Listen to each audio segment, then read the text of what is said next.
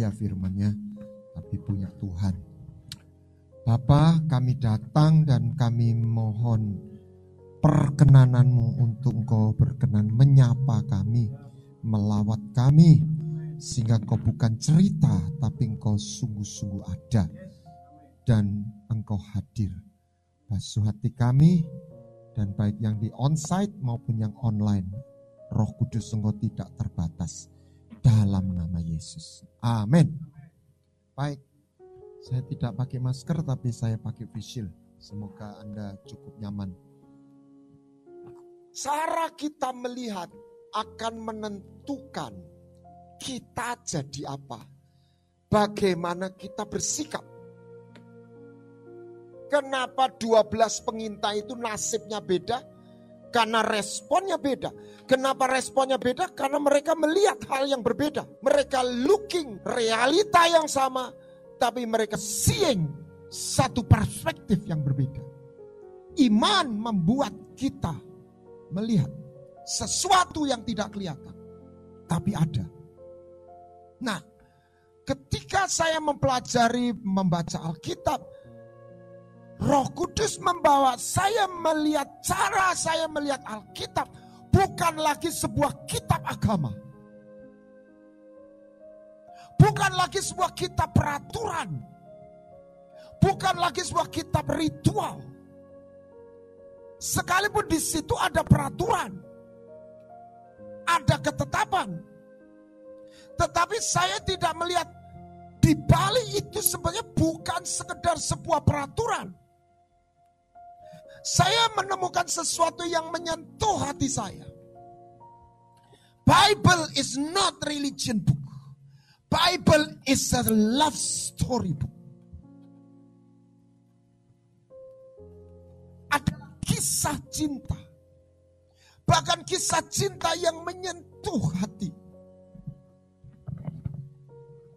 Ketika Adam jatuh dalam dosa, kata pertama yang Tuhan sampaikan adalah, masih ingat? Di manakah engkau?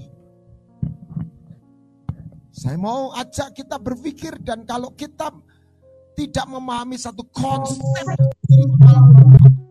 kuantum, sifat yang bersifat kuantum, kita akan bingung. Kan Tuhan mah tahu kenapa tanya. Logikanya kan begitu. Betul ya? Adam juga nggak bisa, nggak jauh-jauh dari situ. Jadi kalimat itu artinya bukan di mana. Tetapi di balik itu Tuhan itu berseru, I miss you. Karena ketika manusia jatuh dalam dosa, dia tidak kehilangan agama, dia bukan sekedar jadi salah atau benar, baik dan jahat. Dia kehilangan relasi. Dia kehilangan koneksi. Sehingga dia kehilangan kehidupan. Dosa bukan sekedar sebuah transgression, tapi sebuah kerusakan ekosistem spiritual sorgawi yang ada di bumi. Manusia kehilangan kemampuan untuk connect dengan alam sorgawi dan itu tidak bisa dipulihkan dengan agama dan ritual. Dan kita belajar dari alam. Life starting from relation. Hidup ini adalah tentang relasi. Bukan tentang prestasi. Katakan amin. Hal yang terpenting dalam hidup ini adalah relasi. Bagaimana list itu bisa muncul? Muatan positif dan negatif ketemu. Alam mengajarkan. Bagaimana Anda dan saya ada. Sperma ayah kita dan telur ibu kita bertemu. Dalam keintiman. Amin. There's a power of life in connection. Relation. Dan Adam kehilangan bukan religion, life. Yang kedua saya melihat dari situ Bible adalah tentang kehadiran rencana kerajaan surga. Bible is a kingdom story. Di mana Tuhan rindu menghadirkan kerajaan. Bukan di alam ketidak kelihatan saja, tetapi di bumi. Karena itu doa Bapak kami. Jadi ketika Adam jatuh dalam dosa, ketika manusia jatuh dalam dosa, banyak orang nggak ngerti dosa itu dikira pelanggaran selesai. No. Tidak sesederhana ini. Hab, rusaknya sebagai koneksi antara alam tidak kelihatan dan alam kelihatan. Namanya bumi. Dimensi nggak kelihatan namanya surga. Dan manusia pada awalnya didesain untuk hidup di mana? Di mana? Di bumi dan di surga. Adam itu waktu jatuh belum jatuh dalam dosa, dia punya connect dengan alam surga. Saya nggak ada waktu nanti terlalu lama. Kita hanya kenal Taman Eden, padahal ada kata Eden, sungai mengalir dari Eden ke taman. Eden itu mountain. Mountain itu adalah satu portal spot di sana. Dan di situ ketika putus hubungan, ketika gelap, ketika terang itu absen, gelap itu masuk, maut masuk. Jadi persoalan dosa ini sama maut itu gandengan. Dosa membuat maut, dosa membuat Sorga itu menuntut penghakiman. Makanya berseteru. Sorga nggak mau. Bukan karena Tuhan nggak cinta. Karena ini kerajaan. Kalau kita diundang istana pakai celana pendek diterima nggak? Bukan karena Pak Jokowi sombong. Bukan Pak Jokowi mentang-mentang. Karena ini protokoler negara. Ini bukan sekedar karena Pak Jokowi. Men. Ini ada penghakiman. Tapi di sini ada maut yang mendakwa. Provokator. Yang ketiga di sini, manusia ter mengalami mutasi. Yang membuat dia menjadi makhluk darah dan daging fana. Nggak usah dosa. Darah daging nggak bisa connect dengan alam surga.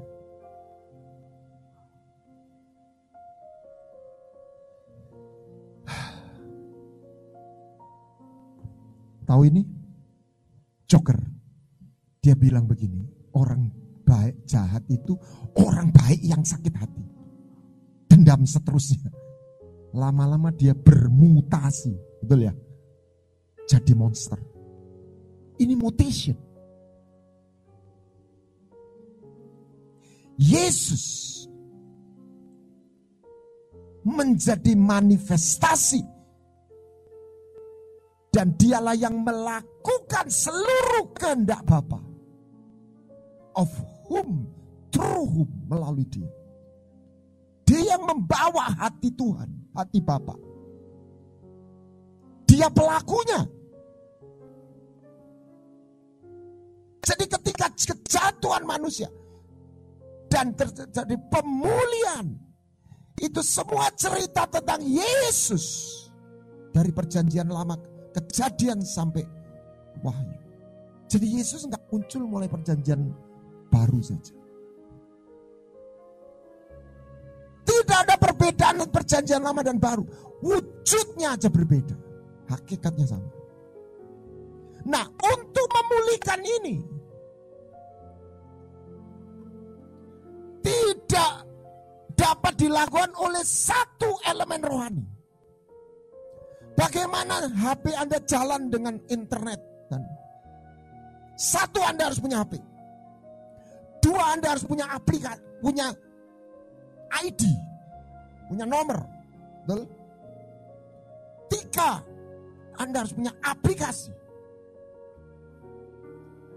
Empat, Anda harus punya kuota pinter.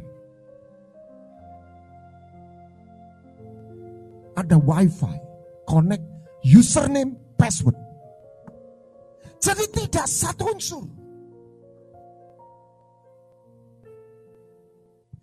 Kenapa harus ada Pentakosta?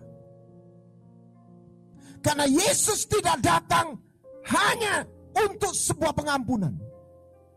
Yesus tidak datang hanya untuk sebuah pertolongan. Yesus datang untuk restoration of the lost kingdom. Lalu agama itu apa, Pak? Agama itu substitute. Sesuatu yang diusahakan oleh manusia. Makanya menara Babel itu batunya dari batu bata. Bahannya. Batu bata. Kalau mes batuan dari apa? Batu alam. Batu bata itu apa? Mau niru batu alam dari tanah. Gitu ya. Itu bahasa kode. Dan ujungnya apa? Cari nama. That's religion. Nah, di Alkitab di Perjanjian Lama sesuatu yang me, me, me, mencengangkan yang mempersona saya. Di Imamat pasal 23 itu ada tujuh hari raya Israel. Yang pertama adalah pas Pesah, Paskah. Yang kedua adalah roti tidak beragi. Yang ketiga adalah buah sulung.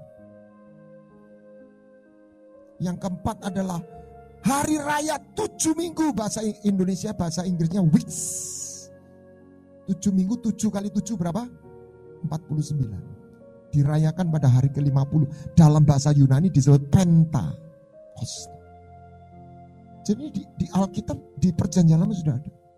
Namanya Safu Safuot. Bahasa Ibrani. Lalu ada hari raya serunai, trompet.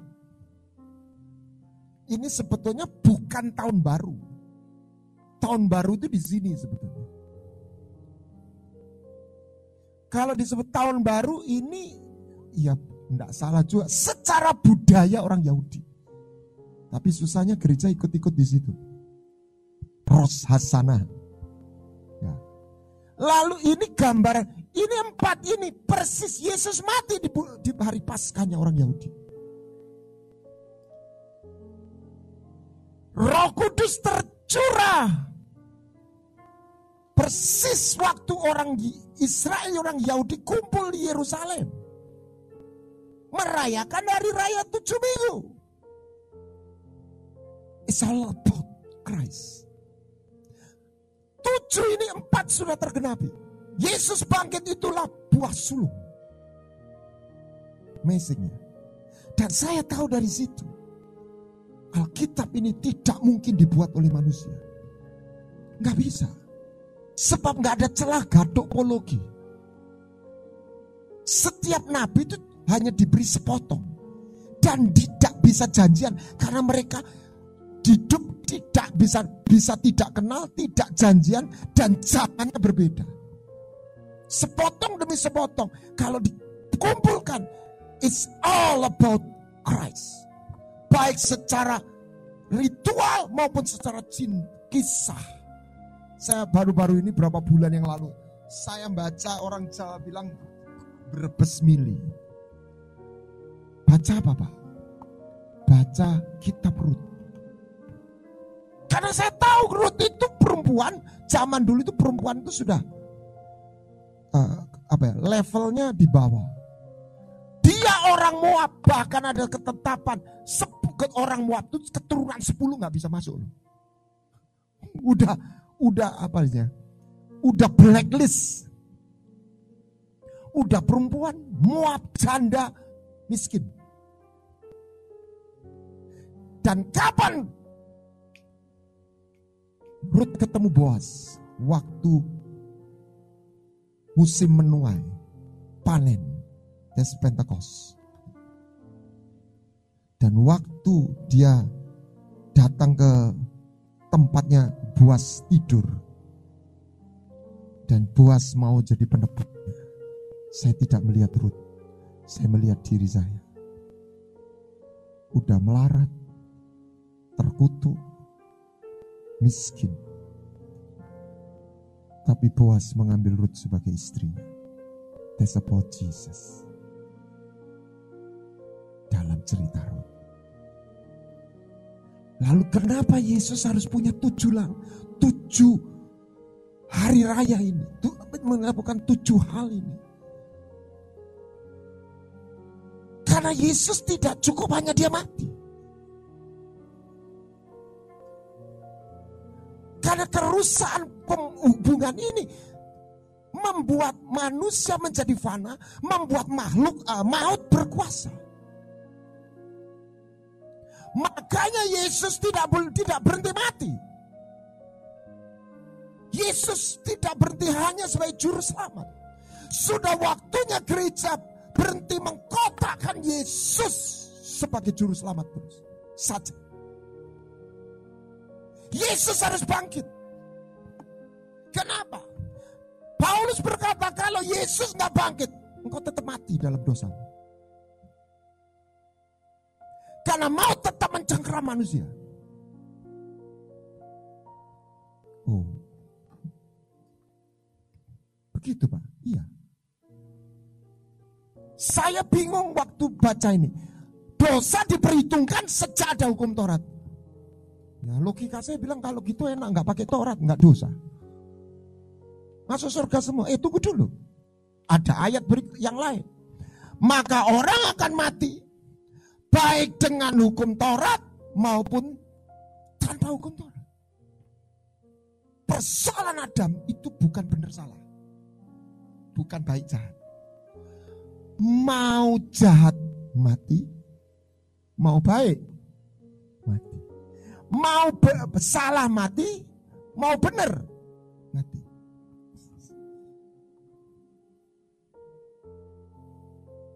Yesus datang bukan supaya kita cuma jadi benar. Supaya kita hidup. Amin. Bagaimana hidup? Bukan hanya diampuni. Terhubung. Terhubung.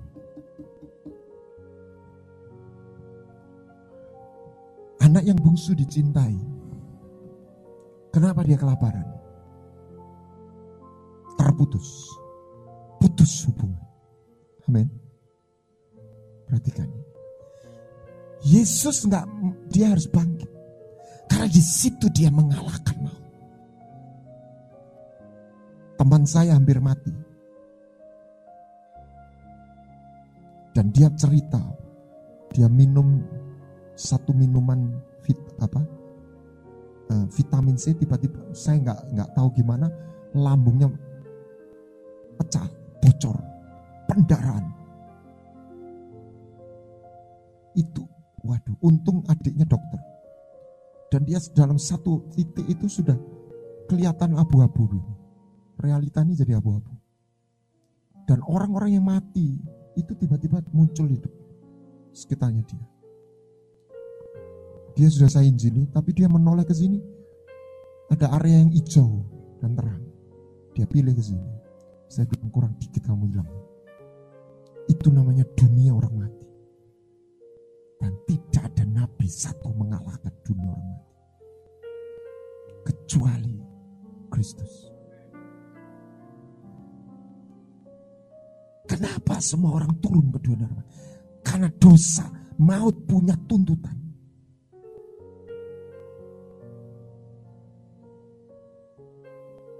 Maka Yesus mati membayar tuntutan maut sekaligus membayar tuntutan Taurat. Saya tanya, orang Israel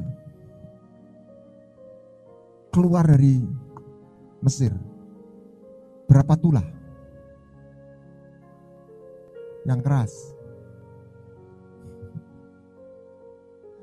Berapa tulah?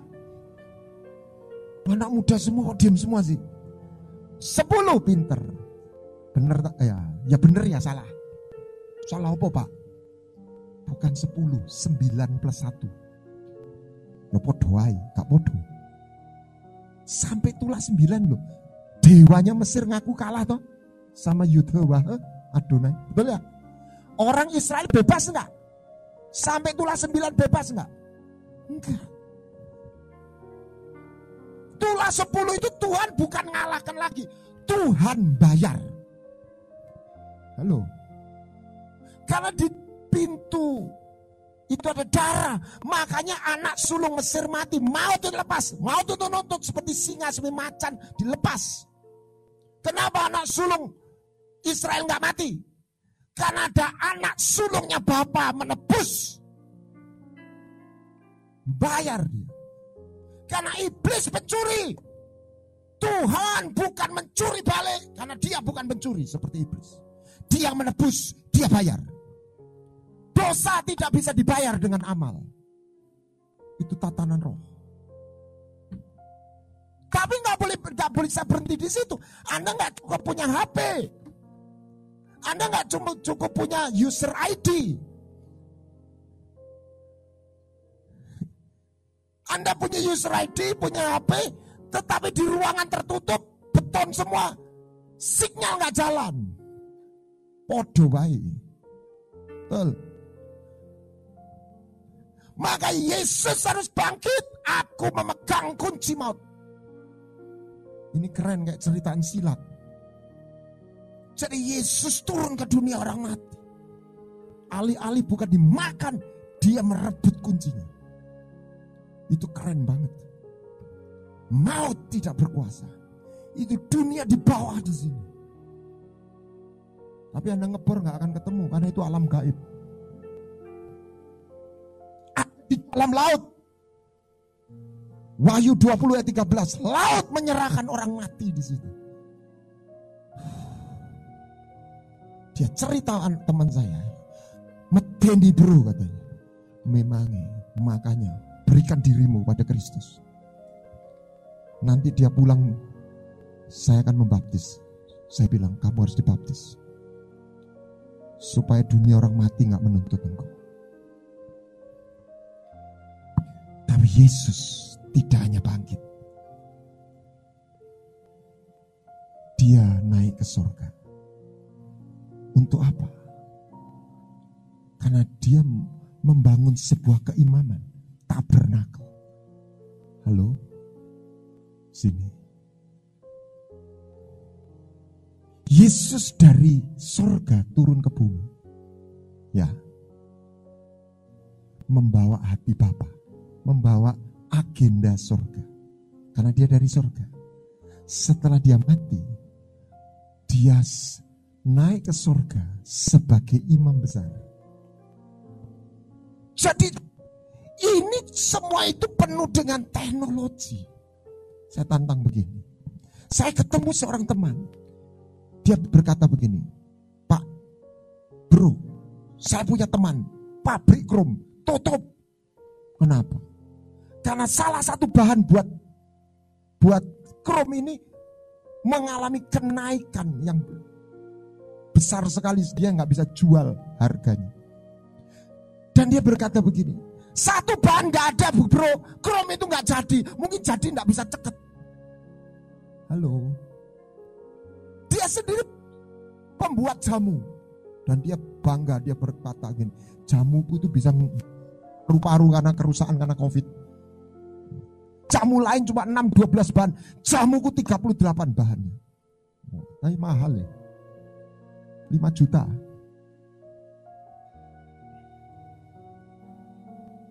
Tapi dia berkata gini, itu 38 ada bahan utama, ada bahan pelengkap. Tapi bro katanya, kalau satu bahan utama aja, tak ilangi, jamuku ini gembos bro. Nanti kita akan bikin seminar. Itu acaranya sesuai GBI BPD. Saya bakal kasih bocoran sedikit. Sudah waktunya Orang Kristen tidak melihat Yesus itu hanya berhenti di kematian. Karena apa yang mau disampaikan dibawa oleh dia bukan hanya diampuni. tetapi dipulihkan untuk terhubung. Sehingga Anda kembali kepada original design. Manusia didesain untuk mampu hidup di dalam dua alam.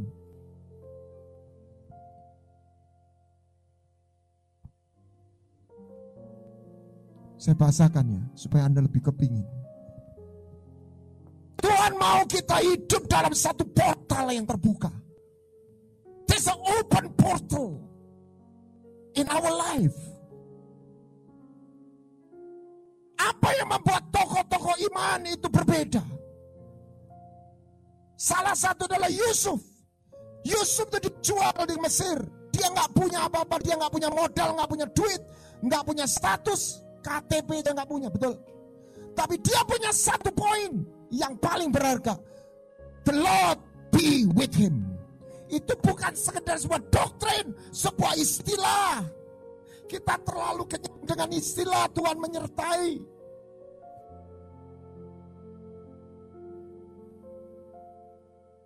Musa tahu ketika Tuhan berkata, oke, okay, kamu jalan terus, tak kirim malaikat. No way, Tuhan. Kalau engkau enggak, if your presence does not go with us, do not bring us from here. Jangan bawa kami lanjut. Sebab dengan apa kami berbeda dengan orang lain? Kecuali bukan karena kami lebih pintar, lebih hebat. Amin. Kecuali hadiratmu. Itu bahasa Inggrisnya, bahasa Indonesia enggak bukan hadirat.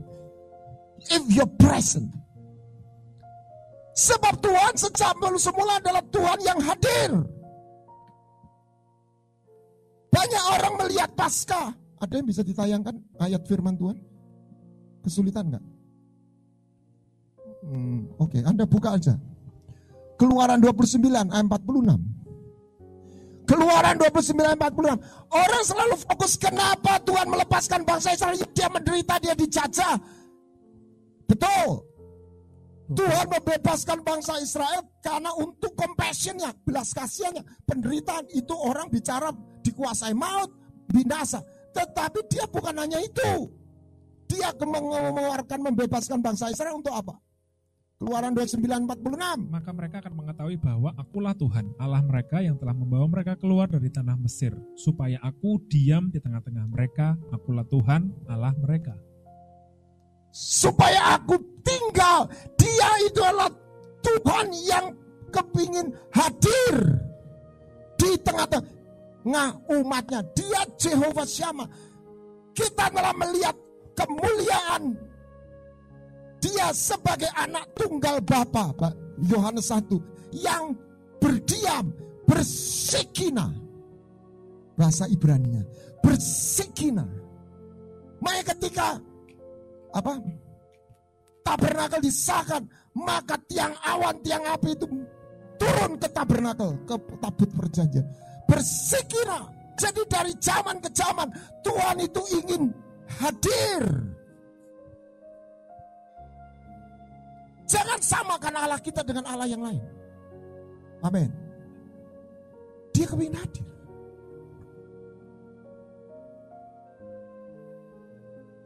Untuk itu harus ada imam besar menjadi penghubung.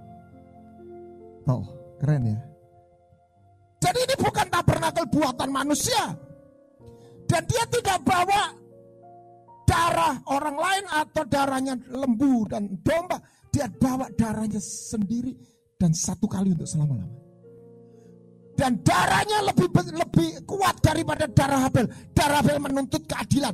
Darah Kristus meminta pengampunan dan belas kasih.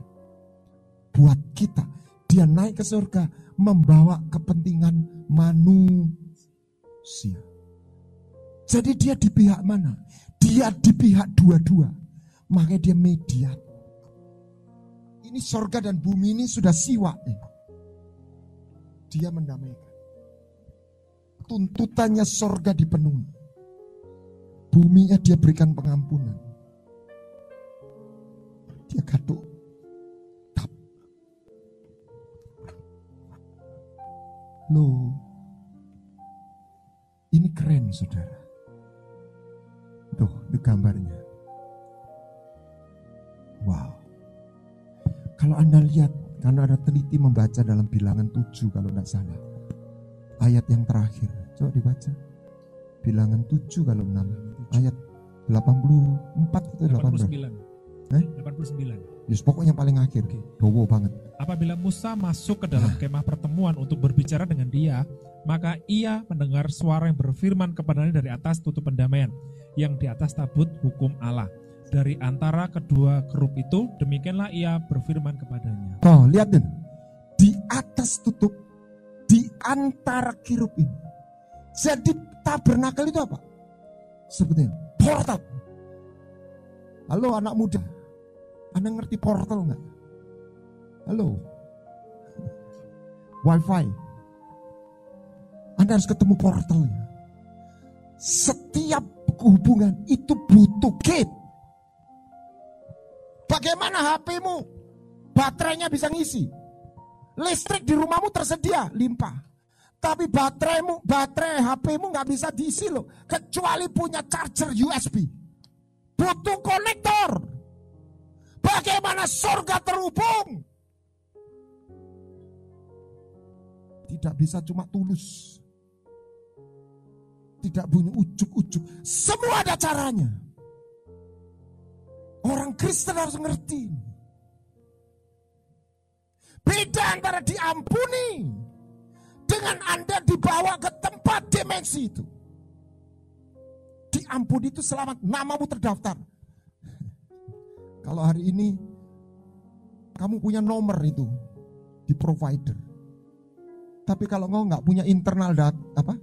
Data apa, kuota data, kamu nggak bisa main internet. Tapi HP-mu terdaftar, nomormu terdaftar. Karena orang yang masuk di ruang kudus haruslah seorang imam. Amin. Sehingga Anda orang Kristen, kita orang Kristen, nggak berhenti jadi anaknya Tuhan. Anda harus jadi imamnya Tuhan. Katakan amin. Bagaimana kita jadi imam? Apa tanda iman? Apa syarat imam? Ayo, ayo. Ini kebaktian anak muda, nggak usah formal-formal. Bagaimana seorang imam? Dia nggak cuma terima darah, dia harus wudhu. Dia harus tahir. Dia diurapi dengan minyak, betul? Dia diberi jubah. Apa tanda engkau seorang imam? Tidak semua anak Tuhan sudah punya jubah imam. Makanya waktu di keluaran 19, kalau engkau memegang perjanjianku dan mentaati perintahku, kau akan menjadi kerajaan imam. Engkau jadi raja-raja dan imam-imam. Karena itulah dimensi surga. Kelompoknya cuma dua. Imam, raja. Saya bahasakan yang kontekstual. Worshipper and warrior. Keren ya. Itulah prototipenya ada di Daud. Dia raja, dia petarung, dia pejuang, dia jenderal. Tapi dia juga seorang penyembah. Yang diurapi itu siapa? Raja dan imam. What is the sign? How do you know? Bagaimana Anda tahu? Anda punya jiwa imam. Diurapi. Yusuf ketika dia jalan. Dia kerja. Potifar melihat. Potifar melihat penyertaan Tuhan. Surganya terbuka dalam hidup. Saya juga minta. Itu lebih real, lebih real di dalam hidup kita. Haleluya.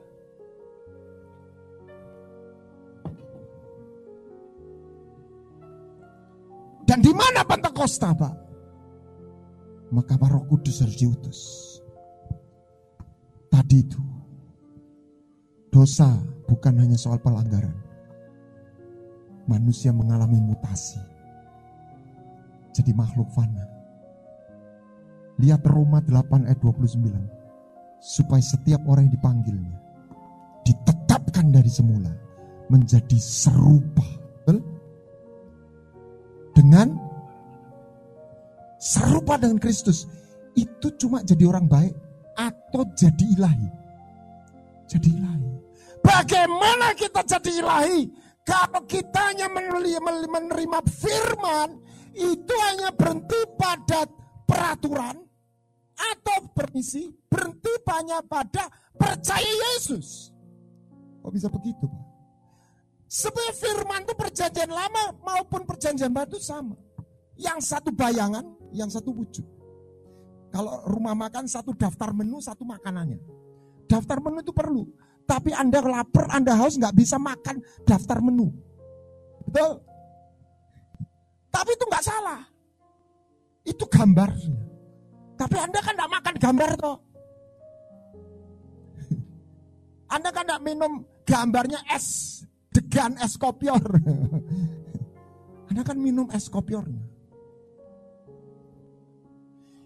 Hukum Taurat itu firman. Firman.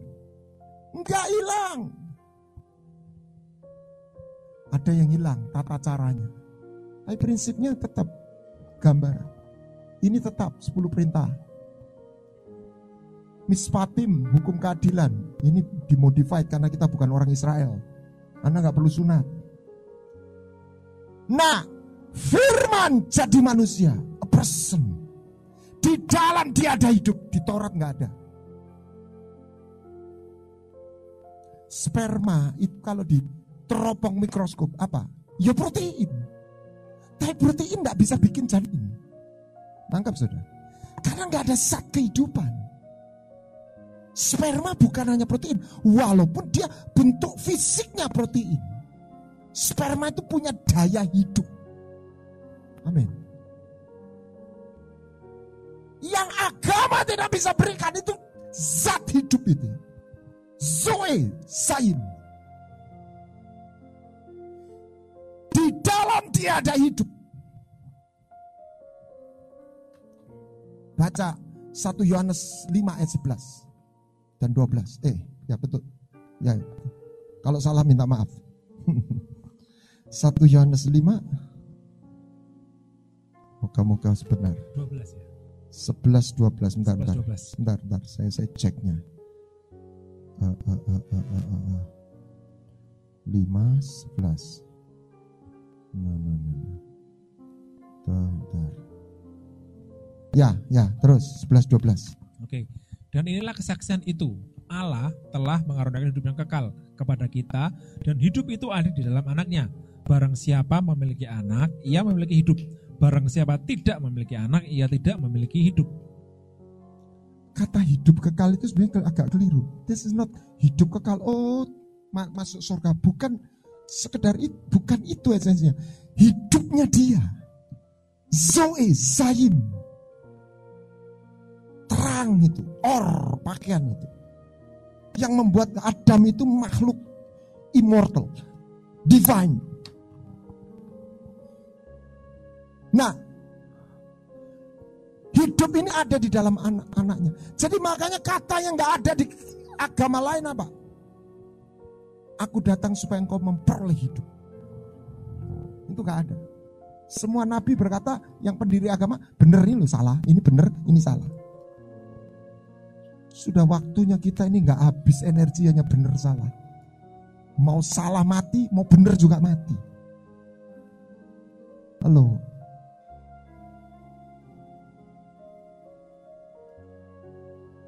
Orang baik disakiti sakit hati. Orang baik itu mati karena hidup dalam kebencian. Ya kan?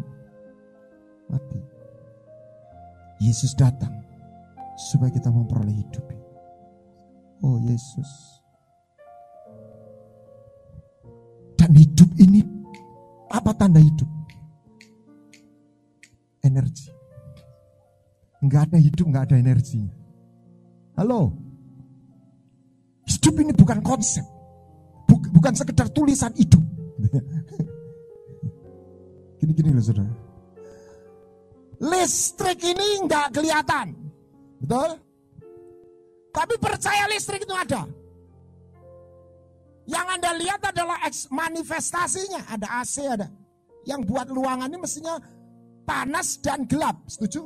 Aslinya ruangan ini panas dan gelap. Tapi di sini kita menikmati terang dan sejuk.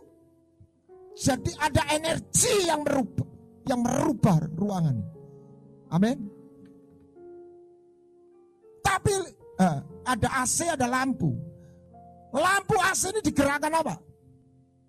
Listrik. Listrik itu kelihatan nggak? Tapi ada nggak? Anda percaya nggak listrik itu ada? Sekedar konsep itu ada beneran. Real nggak? Halo.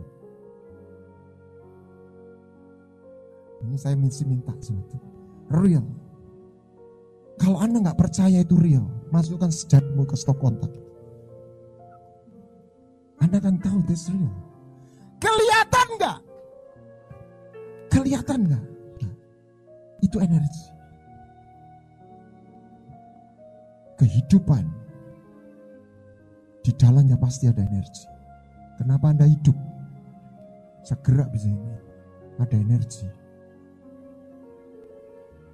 Amin. Everything is energy. Nah, kenapa ada roh kudus? Karena roh kudus, firman ini bukan sekedar sebuah tulisan. Firman ini adalah roh, spirit, dan hidup. They are life. Because my word is spirit and they are life. Nah, Yesus adalah punya hidup. Tapi saya tunggu sebentar. Kenapa Yesus berkata, lebih berguna? Mana? Enggak ada. Lebih berguna. Lebih berguna kalau aku 12 murid dimuridkan oleh Yesus ini loh, bukan Pak Tony Nardi. Tuhan Yesus. Satu berkhianat, yang sebelas waktu goncangan gak ada yang lulus, betul? Yang murid kan siapa? Master sendiri. Kenapa? Jadi, saudara ini ada obat manjur. Tapi obat ini keras. Nggak bisa larut di pencerahan. Obat ini bisa menyembuhkan kita nggak? Nggak bisa.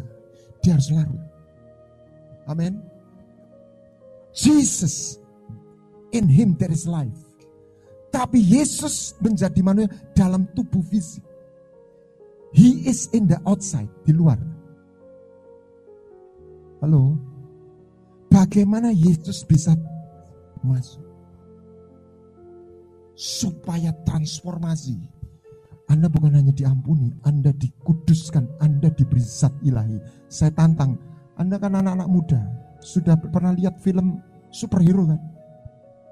Mulai dari Huluk, Spider-Man apa mana? Semua superhero itu. Bagaimana mereka jadi superhero? Contoh Spider-Man. Bagaimana seorang Peter Parker yang bongkring itu bisa jadi jagoan? Hah? Dientop kalau monggo. Lu betul ya? Lu betul nggak? Terjadi apa? Mutasi. DNA.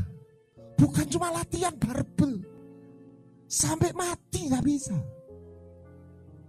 Halo. Anda nggak cukup tiap minggu ke gereja. Angkat tangan. Permisi, saya bukan. Anda harus dientop roh kudus. Itu harus masuk.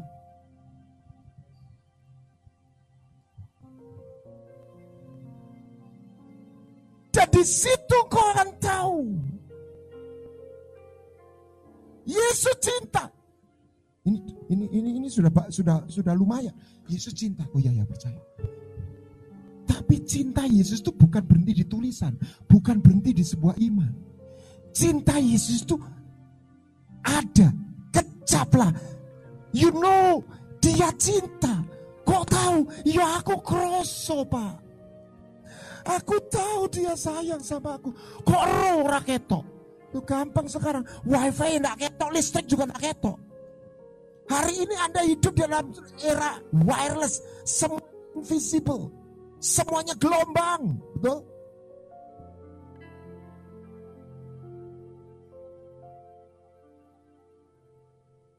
Tapi yang dari virtual ini sumbernya jadi realita.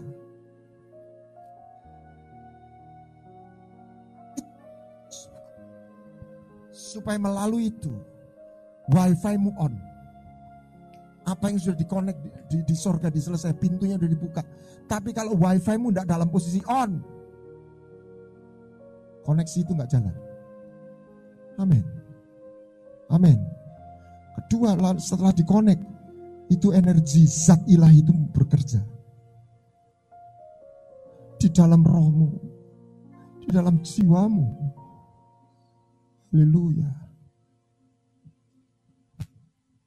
Dan di situ engkau tahu, engkau minum. Biar, lima, lima, lima. Ini lagu lama. Biar, biar ku datang ke sungaimu, Tuhan biar ku hidup. Pasti nggak tahu ini. Di sungaimu Tuhan. Biar ku minum dalam sungaimu Tuhan. Biar ku datang. Biar ku minum. Biar ku hidup. Anda ketika minum, Anda nggak pikir, perhatikan. Air ini adalah zat untuk hidup secara jasmani. Bukan untuk dipikir, oh H2O apa, boleh saja. Air itu untuk. If you drink it, you just taste it. Menikmati air. Nothing. Just this. This love. This Holy Spirit. Oh Ramasyaku Papa Papa. Saya waktu di jamah pertama kali. Anda jangan ketahui saya, saya nangis satu minggu. Bingung, saya juga bingung sama diri saya sendiri. Iki apa toh? Karena saya dulu masih pelatih karate. Saya nggak pernah nangis dan saya nggak bisa nangis. Tapi waktu Holy Spirit melingkupi saya, saya mengalami Yesus hadir. Roh Kudus adalah pengejawantan dari Kristus.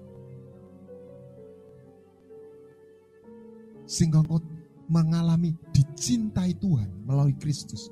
Itu bukan sebuah konsep. You feel it. You sense it. You drink it. Dan kau tahu Tuhanmu bukan sekedar Tuhan yang gak ketemu. Karena sejak semula.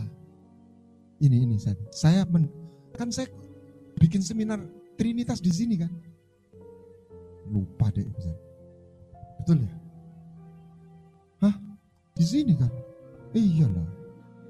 Saya mengkerucut gini loh. Oh saya di sidang tiga kali saya buat Trinitas ya. Anu waktu saya dalami dan nulis buku Trinitas. Buat saya, saya sampai mengeru, sampai titik mengerucut. Buat saya bukan soal konsep doktrinnya, tapi begini. Lewat Trinitas atau dengan kata Trinitas itu adalah salah satu, bukan satu-satunya. Manifestasi Tuhan yang ingin ketemu dengan kita. Tuhannya orang lain gak kepingin ketemu. Tuhan kita kepingin ketemu. Kenapa? Nih, perhatikan. Siapa pernah jatuh cinta? Yang gak angkat tangan gak bisa masuk surga. Terlalu jaim. Saya masih muda jaim banget. Siapa yang pernah jatuh cinta angkat tangan. Perlu hukum Taurat ancaman dulu ya. Apa? Perhatikan. Apa manifestasi ekspresi ketika orang jatuh cinta? Simple. Kepingin ketemu. Tuh Tuhan kita ini Tuhan yang jatuh cinta. Kepingin ketemu. Makanya ditulis dia jalan-jalan di Taman Eden. Itu Jesus yang berteofani. Yesus bukan muncul sejak Matius Lukas. Yesus ada sejak kitab kejadian. Karena dia refleksi dari Bapa. Kok perlu refleksi bukan apa? Gini loh saudara. Ini listrik masuk di sini yang kita nikmati 220 volt itu dari pusat jaringan tegangan tinggi. Itu loh yang di Dharma Usada itu. Ya, itu sumbernya. Ya. Lah itu kalau langsung masuk di sini, ini morop atau jebol? Itu baru supply satu kota. Anda bayangkan berapa energi kalau kita ngomong energi di dalam Allah yang menciptakan alam semesta ini. Halo? Tapi Bapak itu dikatakan begitu besar kasihnya, aku mengasihimu. Ini Pak Andre namanya. Dan kalau Bapak berkata, Andre aku mengasihimu dipeluk sama Allah Bapak. Kira-kira Andre itu enak atau meledos? Meledos. Mati dia. Amin. Tapi Allah itu Bapak itu sayang. Makanya dia menyatakan lewat Kristus. Kristus naik ke surga, bagaimana dia bisa berdiam, bersikina. Must be Holy Spirit. Saya nggak bicara, belum bicara sebagai karunia, sebagai kuasa. Holy Spirit. You will feel that love of God is real. Makanya perjumpaan pertama saya nggak ketemu dewa. Saya nggak ketemu bos. Saya nggak ketemu penguasa. Saya ketemu Bapak. Saya nangis satu minggu. Saya panggil dia Papa, Papa, Papa. That's a Holy Spirit.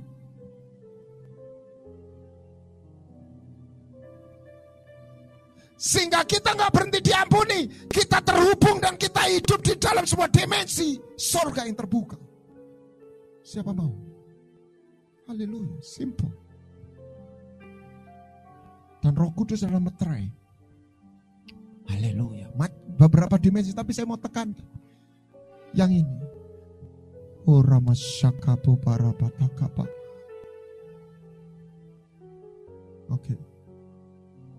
Nah, ini tanda perjanjian baru, perhatikan. Aku menaruh hukumku. Mana ini? Aku menaruh hukumku di dalam akal budimu dan menuliskan dalam hatimu. Jadi ini must be, saya istilah anak muda, kuantum. Should be energy, gelombang. Di alam pikir kita. You will see. Kau sebuah dimensi. Makanya orang mau mati itu kebuka. Yang menakutkan itu bukan matinya. Masuk ke dimensi mana? AM atau FM kalau radio. Halo. Orang mati kalau masuk ke dimensi surga itu nggak apa-apa. Tapi kalau masuk yang satunya itu amit-amit saudara. Teman saya tuh cerita, ini abu-abu bro. Ini orang-orang pernah mati, aku muncul di sini katanya. Itu dunia orang mati. Tapi saya noleh sini ada ijul padang rumput. Ya itu, saya ke sana bro. Selamat kamu. Dia masih di persimpangan.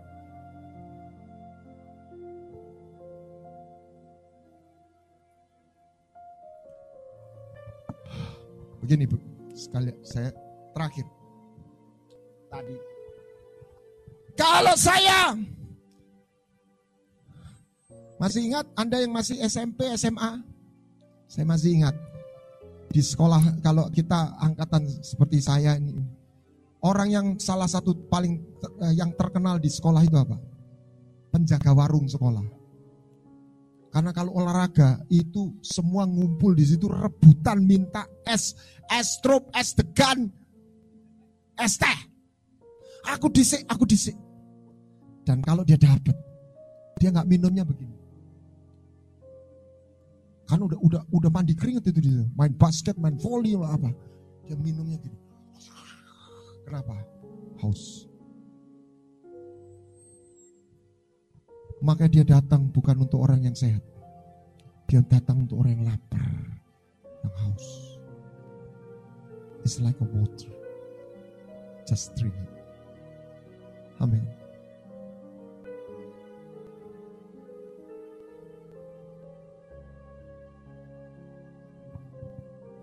Keluaran tadi 29. Supaya aku tuh dia tahu supaya aku ini Tuhan Allah mereka.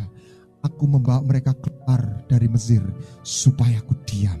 Aku bersekina di antara mereka supaya aku bisa ketemu. Amin. Karena aku kangen sama kamu. Aku pengen peluk engkau. Aku pengen mengasihimu. How do we know? How do we we can, can be connected? Gini gini saudara. Anda punya dulu radio itu ada AM ada FM. Itu kalau saya di gelombang AM, padahal radionya itu di FM. Biar dari ujung sampai ujung nggak akan ketemu. Nangkap saudara. Apa itu Holy Spirit? Dialah roh Tuhan tentunya. Dia memberikan kepada kita frekuensi surga. Sehingga ada connect. Halo. Kalau Anda connect, Anda dengar, Anda lihat, Anda merasakan. Di sini ada suara radio enggak? Ada siaran radio enggak? Ada. Anda dengar enggak? No. Karena Anda enggak di gelombang itu. Dan Anda enggak punya telinga yang bisa menerima gelombang itu. Roh Kudus membuat Anda mampu dimampukan menerima gelombang itu. Dan di situ aku melihat, ah, waktu saya dijamah pertama kali, Tuhan, engkau tuh cinta tuh sama aku. Dia cinta sama saya sejak dalam kandungan ibu saya.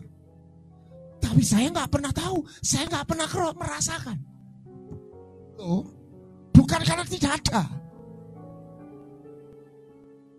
Tapi waktu roh saya dihidupkan, Tuhan kau tuh cinta toh sama aku. Engkau sayang toh sama aku. Saya tambah sedikit. Cintanya bukan cinta bos baik hati bagi sembako. Dia nggak cuma cinta yang common, general. Banyak orang nganggap, kenapa Yesus mati? Oh dia itu Tuhan yang penuh kasih, saking kasihnya. Dia mati buat Tunggu dulu. Yang dosa bukan cuma manusia, malaikat juga dosa. Ditebus gak? Kenapa?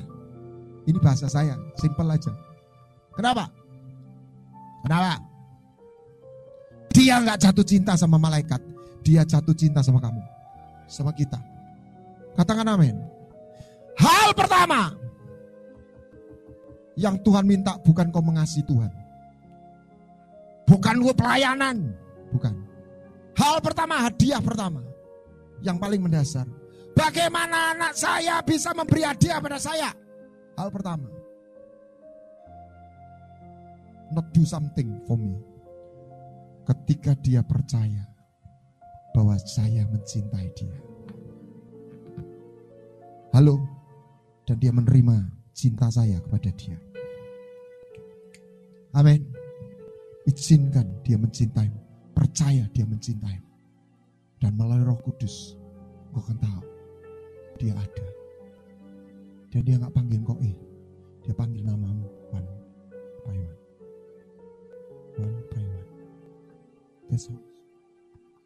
Lupakan bahasa roh dulu.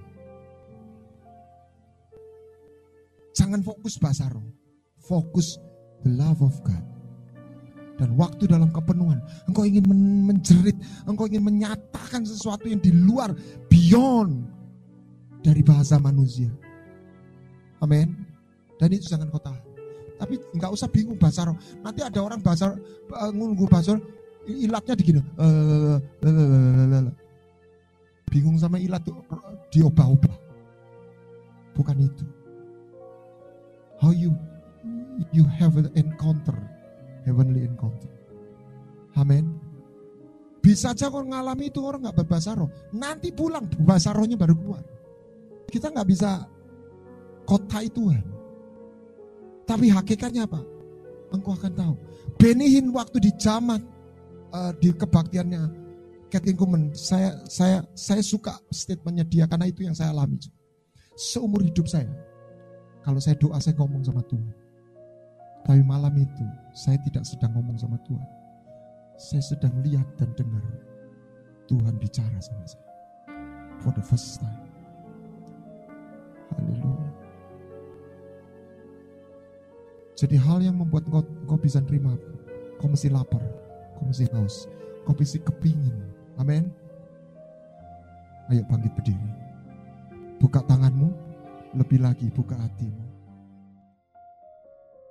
Come, Holy Spirit, fall afresh on me. Fill me with your power. Satisfy my needs, Lord. Satisfy my